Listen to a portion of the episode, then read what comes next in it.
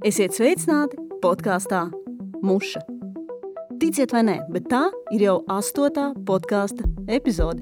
Un liels, liels paldies visiem tiem, kas sūta mums vēstules, klausās mūsu podkāstu un stāsta saviem draugiem paziņām par to, ka mēs eksistējam. Šī ir īpaša epizode, un tā kā ir veļu laiks, mēs nolēmām, hei, mēs varētu apvienot stāstus, kas tādā vai citādā veidā skar nāvi, miršanu un ciešanas. Tādēļ astotā epizode saucas Nāve.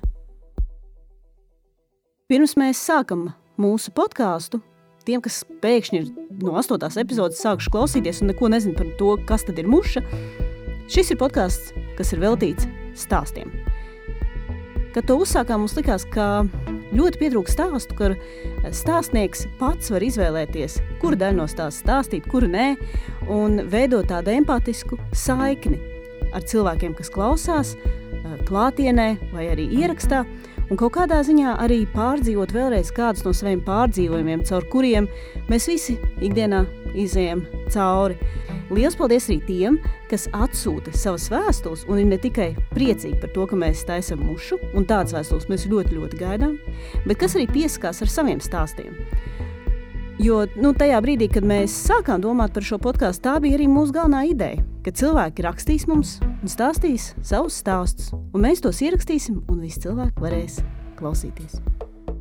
Un vēl viena satraucoša ziņa ir tā, ka Mārta, kas eh, kopā ar mums veido šo podkāstu, ir izveidojusi Latvijas radio podkāstu, kas saucas Miers ar tevi. Es esmu Marta Herca, un Latvijas radio podkāstam dokumentārijas esmu izveidojusi stāstu Miers ar tevi.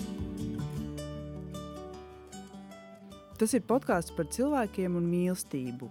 Viņi ir baznīcā, un viņi ir nepareizi.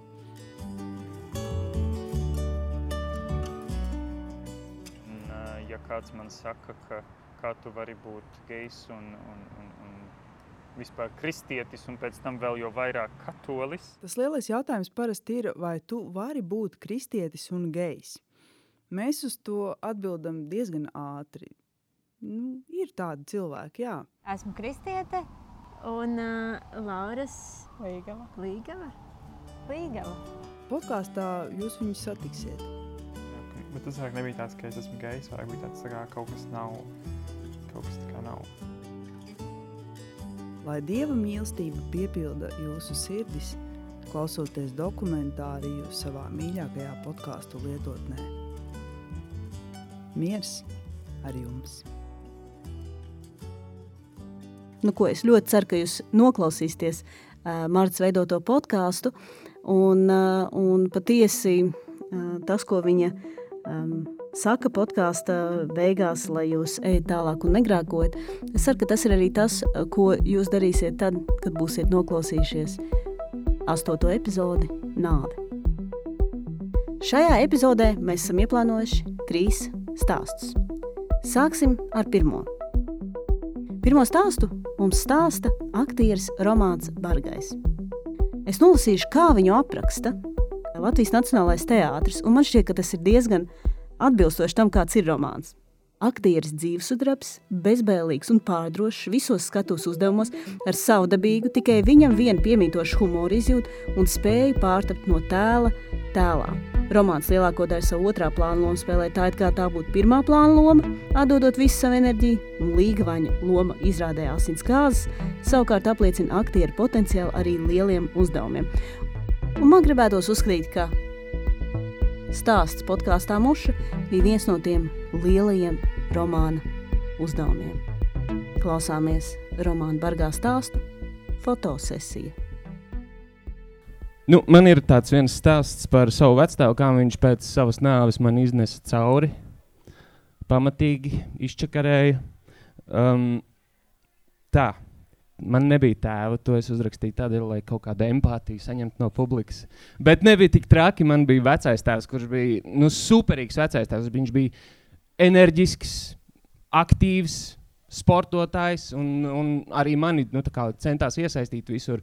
Viņš nu, mudināja mani lasīt grāmatas, skatīties labas filmas, iet uh, sporta dejās, dziedāt, runāt skatuves runas konkursos. Un, uh, nu, superīgs vecāks viņš bija. Viņš bija progresīvi domājošs, un, un viņš bija tas, kurš mani kā, mudināja iet uz tusiņiem laikā, kad citiem vecāki teica, tu, tu nekur neiesi. Un, uh, nu jā, nu, viņš centās laikam vienkārši aizlāpīt to uh, caurumu, ko varētu manī radīt mana tēva nesamība. Un viņam tas arī izdevās. Uh, nu, viņš bija superīgs. Uh, bet uh, katram jau ir kāds superīgs vectēvs droši vien. Bet manējais bija atšķirīgs. Viņš bija, viņš bija atkarīgs no seksa. Tā diezgan smagi. Kad viņš bija jauns, tas bija diezgan, esot bijis diezgan traģiski. Viņam, esot, viņš pat esot bijis uh, liepājis uh, drāzēju komandā. Un, uh, un viņš pat esot ielikts avīzē par nepiedienīgu dzīvesveidu. Un, um, Un es saprotu, ka visas tās apmācības, tās ritmiskās dēļas, un, un, un runāšana un lasīšana, ka tas ir viss tikai tādēļ, lai tad, kad es satieku kādu meiteni, man būtu ko parunāt, lai es nebūtu stulbs, lai es mācītu dejot. Un, un tas, nu, uz to viņš man virzīja. Nu, jā, viņš, viņš bija diezgan nopietni atkarīgs, un pat tad, kad viņam bija 65 gadi, un kad es jau sāku kaut ko saprast, viņam nu, vidēji trīs reizes nedēļā viņam vajadzēja, un viņš sāta sajūtu nejuta. Un uh, Johaidim, viņ, viņam bija erotiskais muzejs. Varbūt kāds zina, pirms desmit gadiem Džukstē bija uh, erotiskais muzejs, kur pilnīgi visi galdi, krēsli, pakaramie, tur bija pirts, durvju rokturi. Nu, būtībā viss ir ar uh, cilvēku ģenitālijām. Un, uh, viņš ved, vadīja ekskursijas, viņš veda cauri cilvēkus un stāstīja visādus pikantus stāstīņus no savas dzīves. Un, un tā ideja bija likt cilvēkiem smieties, nu, ka tas ir humors, nevis, nevis tur, uh, kaut kas galīgi slims. un, uh, nu jā, un katru reizi viņš stāstīja savu stāstu. Es biju pārsteigts par to, cik daudz viņam ir šie muļķīgie, jēlie stāstīņi. Un es viņam pratu, kāda zina, nu, dzīve. Nu, jā, un, uh, nu, un pārsvarā viņam izdevās tos cilvēkus sasmīdināt, un daudz stāvēja rindā.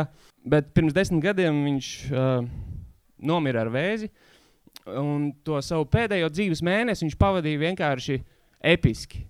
Viņš uh, savā žigulī sasēdināja iekšā savu vecāko māsu, vecāko brāli, vēl divus ulmiņa laika čaļus, un viņi braukāja pa pagastu ar to žiguli, nolaiduši logus. Uh, Viņš pats nedzēra, jo nu, paģeris traucēja seksam. Un, uh, un uh, uz rāģiņu tur gāja kapteinis sauc no kaites. Un, Un, nu, pamatīgi to mēnesi nodzīvoja. Un viņam bija fotoaparāts, parastais, tas uh, ar filmu uzvelkamais. Viņi tur focējās. Nu, brīnišķīgi pavadīja. Nu, to filmu nepaspēja attīstīt. Nu, viņš uh, aizgāja, uh, kā viņš pats teica, ka visticamāk pie vēlniem. Un, uh, nu, tad pēc kāda gada, kad es, tās emocijas jau bija norimušas par viņa aiziešanu, un, uh, un es rakājos pa to žigulīti, un es atradu neattīstītu fotoaparātu filmiņu. Un, uh, Tāpat mirklī es sapratu, man ir jābrauc uz Rīgu, man ir jātīst tā filmiņa, un es uh, aizlaižu uz Rīgu. Un es aizgāju uz uh, fotosalonu, kas ir uh, uz Dzirnavu un Valdemāra stūra, tāds neliels saloniņš. Es tur vienmēr gāju, tur attīstīt uh, tikko piedzimušās meitiņas uh, bildītas un kādas ceļojumus un, un uh, nu, sapazinos ar tām meitenēm. Nu, ne vārdā sauc viņas, ne viņas mani, bet uh, nu, uz čau čau mēs bijām uz tādām attiecībām. Un uh, es tagad uh, atdodu filmiņu, stundiņu izēju pa kvartālu pastaigāties ar tiem saviem ratiņiem. Um, kur guļ iekšā man mazā 9 mēnešus vecā meitiņa. Un uh, es nāku atpakaļ, eju iekšā pa tām durvīm, un es redzu, ka pilnīgi visas darbinieces redz, ka es parādos durvīs un novēršas.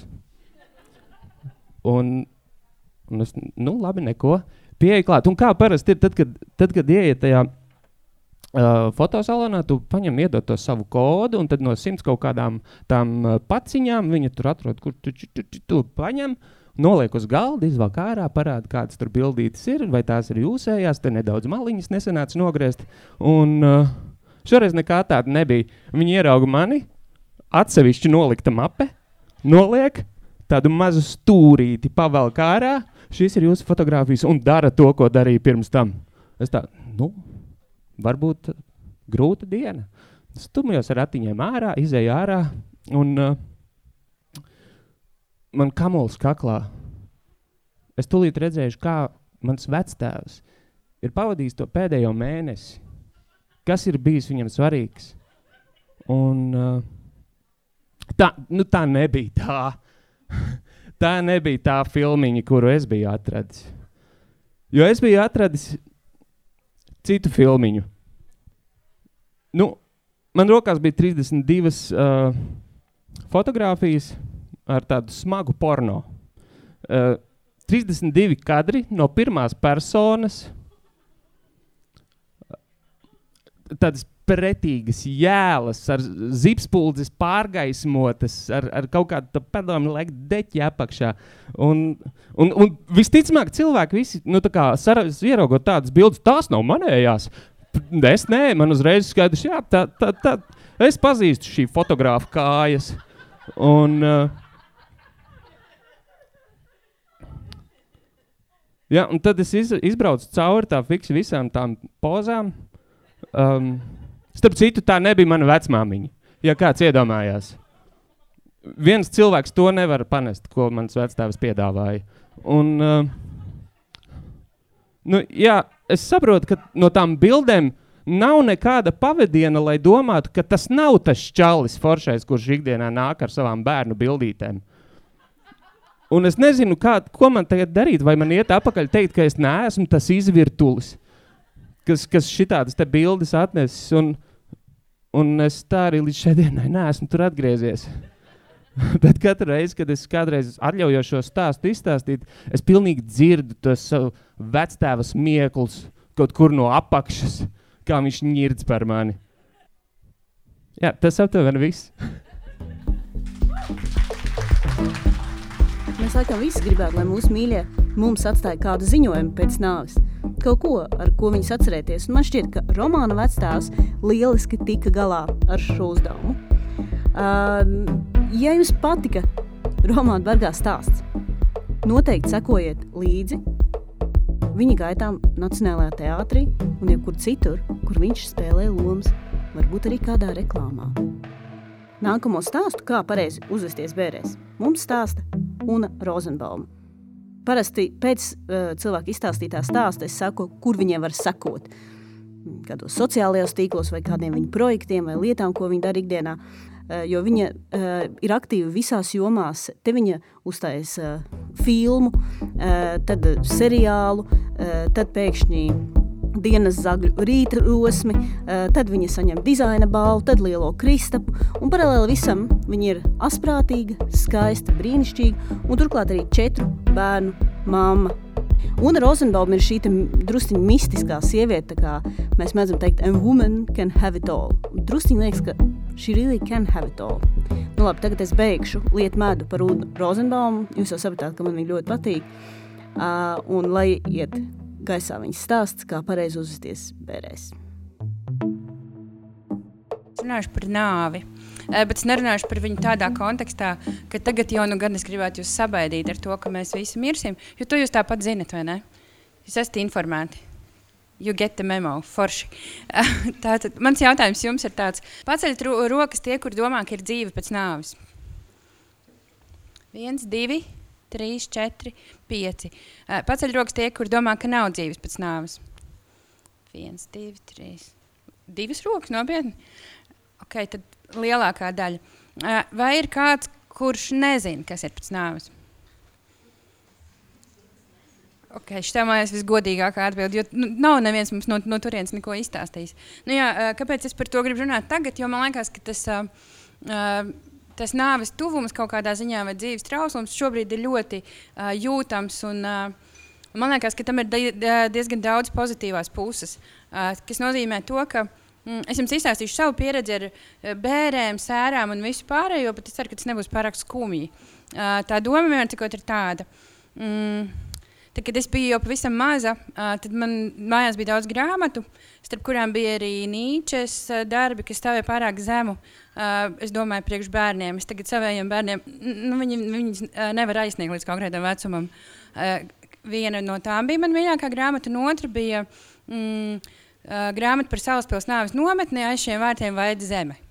Tad, kad mammai teicu, ka tā ir viena no manām mīļākajām grāmatām, viņa minēja, ka man ir neveselīga interese par nāvi. Es domāju, ka jebkura veida interese par nāvi patiesībā ir veselīga, jo viņa ir pavisam gluži vienkārši dabiska. Tā kā es lasīju arī Nīči, kādā 16 vai 17 gadu vecumā es katru rītu nostājos pie spoguļa un sev teicu, ka mm, šī diena var būt pēdējā, ka nodzīvo viņu ar godu. Man liekas, ka tas tāds labs vingrinājums. Pēc tam man izbasīja to darīt katru rītu, jo man nepatīk rutīnas vispār, un tad es pārstāju. Bet man vēl aizvien liekas, ka tas ir uh, labs vingrinājums. Nu, lūk, un uh, patiesībā man nav miruši neviens tāds īpaši tuvs cilvēks. Nu, nekad vēl līdz šim. Un, uh, es ceru, ka tas arī drīz nenotiks. Uh, bet uh, vienīgais cilvēks, kurš uh, bija man ļoti tuvs un nomira, mm, es nebiju uz viņas bērniem, tāpēc ka manā māte nolēma, ka man drīzāk labāk ir braukt ar teātru uz Londonu. Un tad viņa man nepateica, ka manā vecumā viņa ir nomirusi, ar ko mēs bijām izauguši kopā. Jā, viss tikai domā, ah, bet tas ir uh, homo sovietikus. Viņai laikam likās, ka Londona aizbēgs un tās vecmāmiņa bērns atkārtosies atkal un atkal. Es nezinu. Uh, jebkurā gadījumā, pēc tam uh, vienīgās bērns, uz kurām es esmu kā, uh, apzināti vecumā jau bijusi, ir uh, kaut kāds nepazīstams sievietes bērns, kas bija attāli, attāli, kur bija vienkārši jāiet uh, pieklājības pēc. Un tad, kad es redzēju, kas pa īstam notiek, uh, ziemā un sniegā, un ir augsts, un cilvēki raud, un, un tas ir tik mokoši un skumji, Un tad parādījās tāds violnieks, kurš spēlēja kaut pilnīgi idiotisku dziesmu, kas nekādā veidā negāja kopā ar tām sērām. Un man sākās nenormāls smieklu lēkme. Un es sāku smieties, un smieties, un tad es mēģināju apstāties. Un jūs zināt, kā tas ir, kad uh, viens sāk smieties teātris zālē. Uh, tad tā notika arī ar pārējiem bērnu viesiem. Kad no tā, tām uh, lielajām skumjām tas pārvērtās par tādu uh, nebeidzamu uh, cenšanos nesmieties. Tā sieviete bija veca. Es ceru, ka viņa man piedod kas sačakrēja viņai bērns. Tā izrādās arī var izdarīt. Bet ar bērniem man asociējas vēl viens brīnišķīgs notikums. Mana vēstētiņa brālis, ko es nepazinu, viņš, viņš bija jau pavisam vecs un pavisam slims un arī pavisam traks. Tur arī nebija nekāda skumju tāda momenta. Mm, un tad, kad viņš nonāca tajā urnā, un mums vajadzēja viņu vest uz uh, uz kapiem, tad mans vecāks to vairāk izmantoja, lai izstāstītu tādus atgadījumus no savas dzīves, un cik viņiem kolosāli kopā gāja. Tas bija tiešām eh, skaisti, eh, ņemot vērā to, ka viņš laikam mēģināja uz kapakmeņa arī uzlikt to urnu, un viņas lai gāzās nost. Un, uh, Tas bija diezgan izklaidējoši. Bet tā labā lieta bija tāda, ka, kad mēs nonācām pie bērnu mīlestības, es secināju, ka es neesmu vienīgā idiote, kas ar tādu trulu seju rakājas somā. Es ieraudzīju savas radinieces, viņas visas dara tieši to pašu. Es tā atveru muti un šā kasās somu un kaut ko mēģinu tajā atrast. To zina visas sievietes, kurām ir liels somas, vai arī tās visas ir mans radinieces, es nezinu. Nu, lūk, bet mans uh, vēstētiņš nevien uh, tātad uh, sava brāļa bērns uh, izmantoja kā potenciālu mm, stand-up vietu. Viņš arī uh, savu dzimšanas dienu, kad viņam palika laikam 92 vai 93 gadi, viņš arī to kaut kā iekļāva tādā Viņš viņu, man liekas, diezgan ģeniāli norežisēja. Vienmēr cikot mēs esam ebreji, bet viņš bija no visas mūsu ģimenes to slēpis, stāstot, ka mēs esam baltvācieši. Liekas, diezgan tāds labs gājiens. Viņš arī nodibināja Baltvācu biedrību. Bet viņš arī tajā pašā laikā nodibināja Ungāru biedrību, jo arī Ungāri mēs esam nedaudz. Bet mēs vispār esam Ungāri ebreji. Jebkurā gadījumā uh, mana mamma viņam teica, ka viņš jau drīz mirs. Nu, viņa informēja viņu par šo faktu, jo viņš gadījumā bija aizmirsis. Viņa arī viņam teica, ka viņš beidz mūdēt, lai viņš pasakā tiem saviem bērniem, mazbērniem, kuriem ir ļoti daudz, ka mēs neesam baltvācieši. Un, uh, viņš nolēma to izdarīt. Mājās viņš izvēlējās labāko brīdi, kad to pateikt. Jo tas brīdis bija tāds, ka viņš sasauc visus kopbildi, viņš fotografē. Un viņš viņiem saka, man jums bija kaut kas jāsaka, un turpina fotografēt. Mēs neesam bādvācieši, mēs esam ebreji. Tās fotogrāfijas ir ģeniālas. Jūs neesat redzējuši tik labas ģimenes kopbildes. Viņas izstāsta pēc Felīnī tāda uh, uzstādījuma, jo daži ir tādi, daži nē, nevar būt. Kā man dzīvot tālāk? beidzot ir nevis tādas sasniegušas sejas, bet īstas emocijas.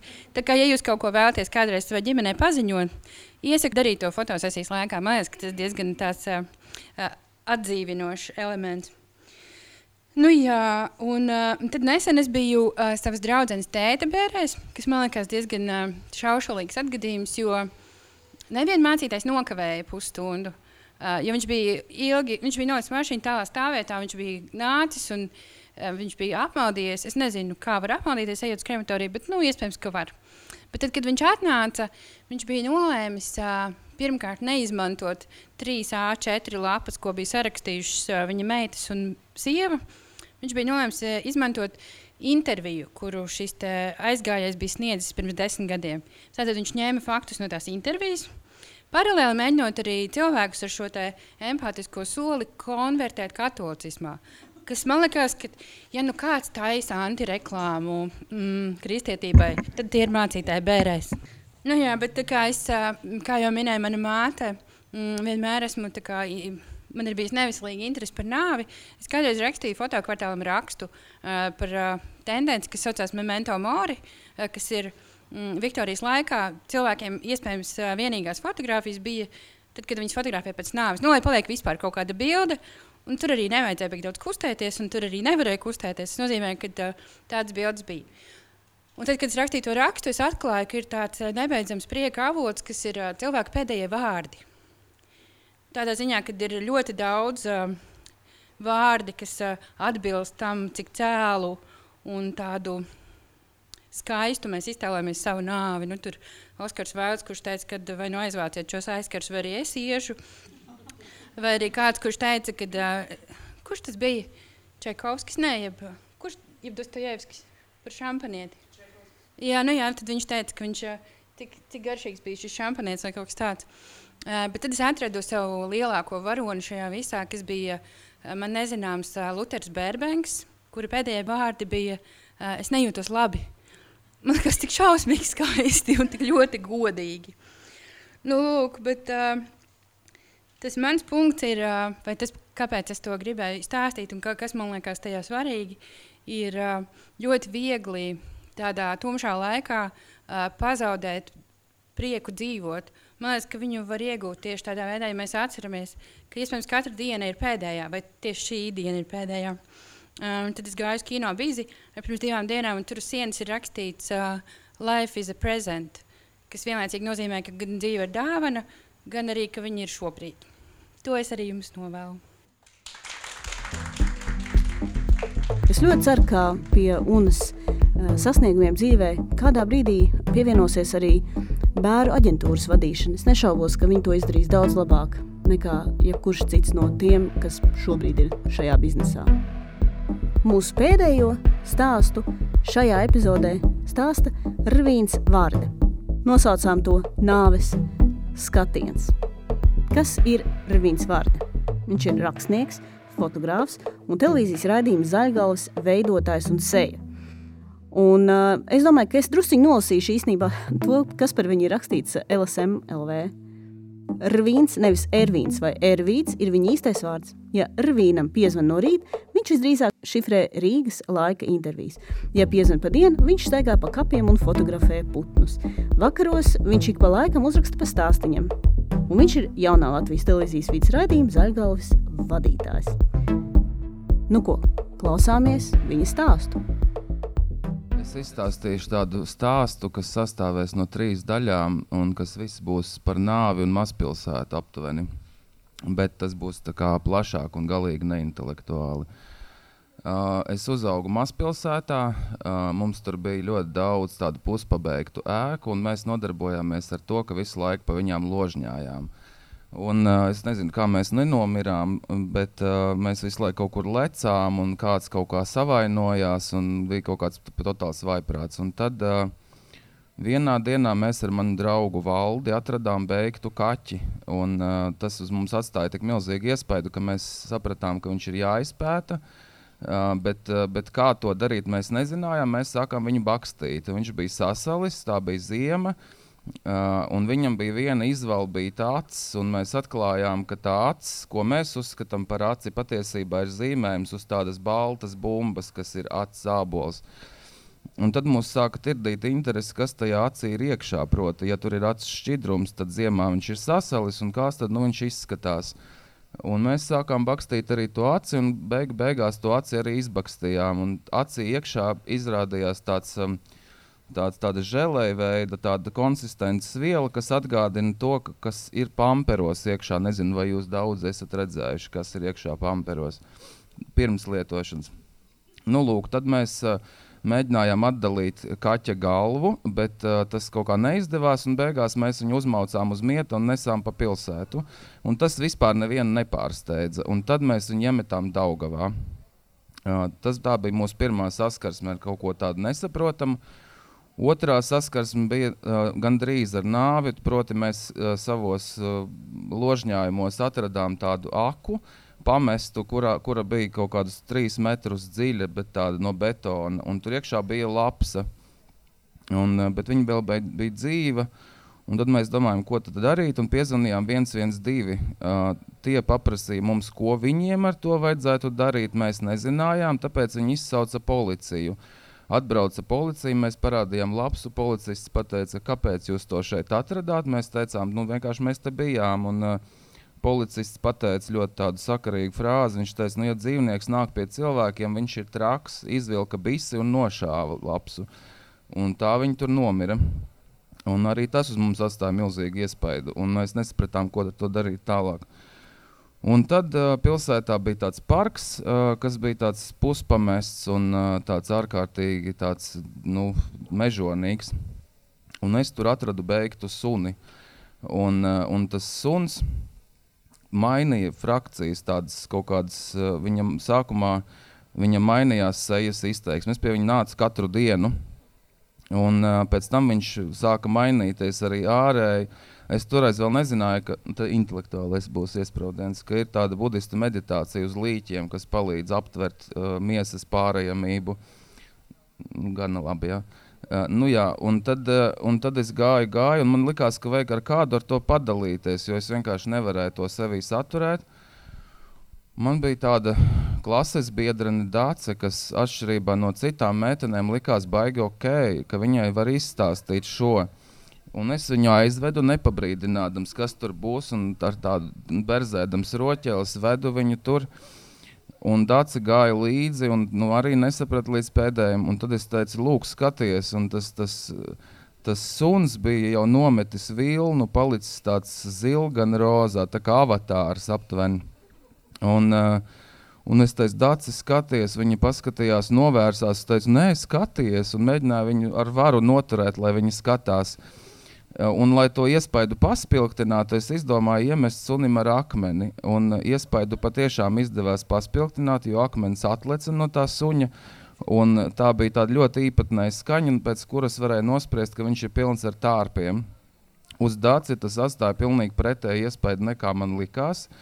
Viņa sāka vēmt, bet ne tikai vēmt, bet vienlaicīgi arī raudāt. Es neko tādu nebiju savu mūžu redzējis atkal. Uh, Un uz mani arī tas atstāja iespēju. Es domāju, kā tas ir iespējams vienlaikus gan raudāt, gan vēmt. Un es nestāvēju, un, un man likās, ka tas ir nevietā pirmkārt. Otrakārt, ka tā cilvēki nedara, un kas tur liels, tas taču ir vienkārši beigts suns. Un uh, Dārsa tur rīstījās, un tā, un tad kādu laiku es viņu vēl turēju tajā brīdī, jo viņi gribēja aizmukt un vēmt kaut kur citur. Un, uh, nu, un raudāt, spriežot pēc visa. Nu, jā, tas turpinājās tādu labu brīdi, un es nu, tur viņai stāstīju, bet paskaties, tajā nav nekā atbaidoša. Tā ir vienkārši tāda nu, interesanta lieta, beigts suns, kad tu vēl tādu redzēsi. Un, uh, Dācis kaut kā galīgi to nenovērtēja. Man šķiet, ka viņa aizmuka. Uh, pēc tam es aizgāju uz skolu. Un mums skolā parādījās pirmā tāda balta tāfele, kā leduskapja virsma, nu, tāda, uz kuras var rakstīt ar marķieru. Pirms tam mums bija krīts un tā. Uh, Un es biju no tēva paņēmis kaut kādu flomasteru biezu. Man liekas, ka tas der šāda tipa tāfelēm. Beigās izrādījās, ka to, ko es tur uzzīmēju, nevar nomazgāt nost. Un uzzīmēju es dāci, kas vēmi virs suņa līķa, un uzrakstīju tam veltītu dzējoli ar atskaņām, kas man likās ļoti labs. nelabs tajā visā bija tas, ka Dācis mamma bija kaut kāda mācību daļas pārzina un kaut kas tam līdzīgs. Un, un man nu, normāli paņēma priekšā, uh, izsauca vecākus uz skolu, un neviens nerunāja par dzējoļu kvalitāti vai par kaut kādām mākslinieckām vērtībām. Pilnīgi neviens. Un, un tā vēmjošā Dācis bija attēlot ļoti, ļoti labi. Un arī tas netika vispār nekā analizēts, un vienkārši viss besījās. Tad man iedeva spirtu, pirmo reizi mūžā, un es to mazgāju nost. Mazgāju stundas, divas, un uh, it kā nomazgāju, bet vienalga kaut kādā leņķī, vemjošā dace palika tur uz mūžu kā hologramma. Tas arī viss. Rvīna stāstā visinteresantākais man šķita stāsts par to dzējoli. Dzējoli līķi ir tik skumi, ka mēs kā sabiedrība esam zaudējuši iespēju to jebkur izlasīt. Paldies, ka bijāt kopā ar mums podkāstu mūsu 8. epizodē Nāve. Pavisam drīz, es ceru, mēs varēsim tikties klātienē, bet kamēr tas nav noticis, bučiņas no manis, Džēmas Sudrabas, Agatas Mežulas, Mārtas Herdzas, Kerijas Brukas, Montes Kaivas un neklātienē un vienmēr mūsu sirdīs Alises Kraujas. Tā!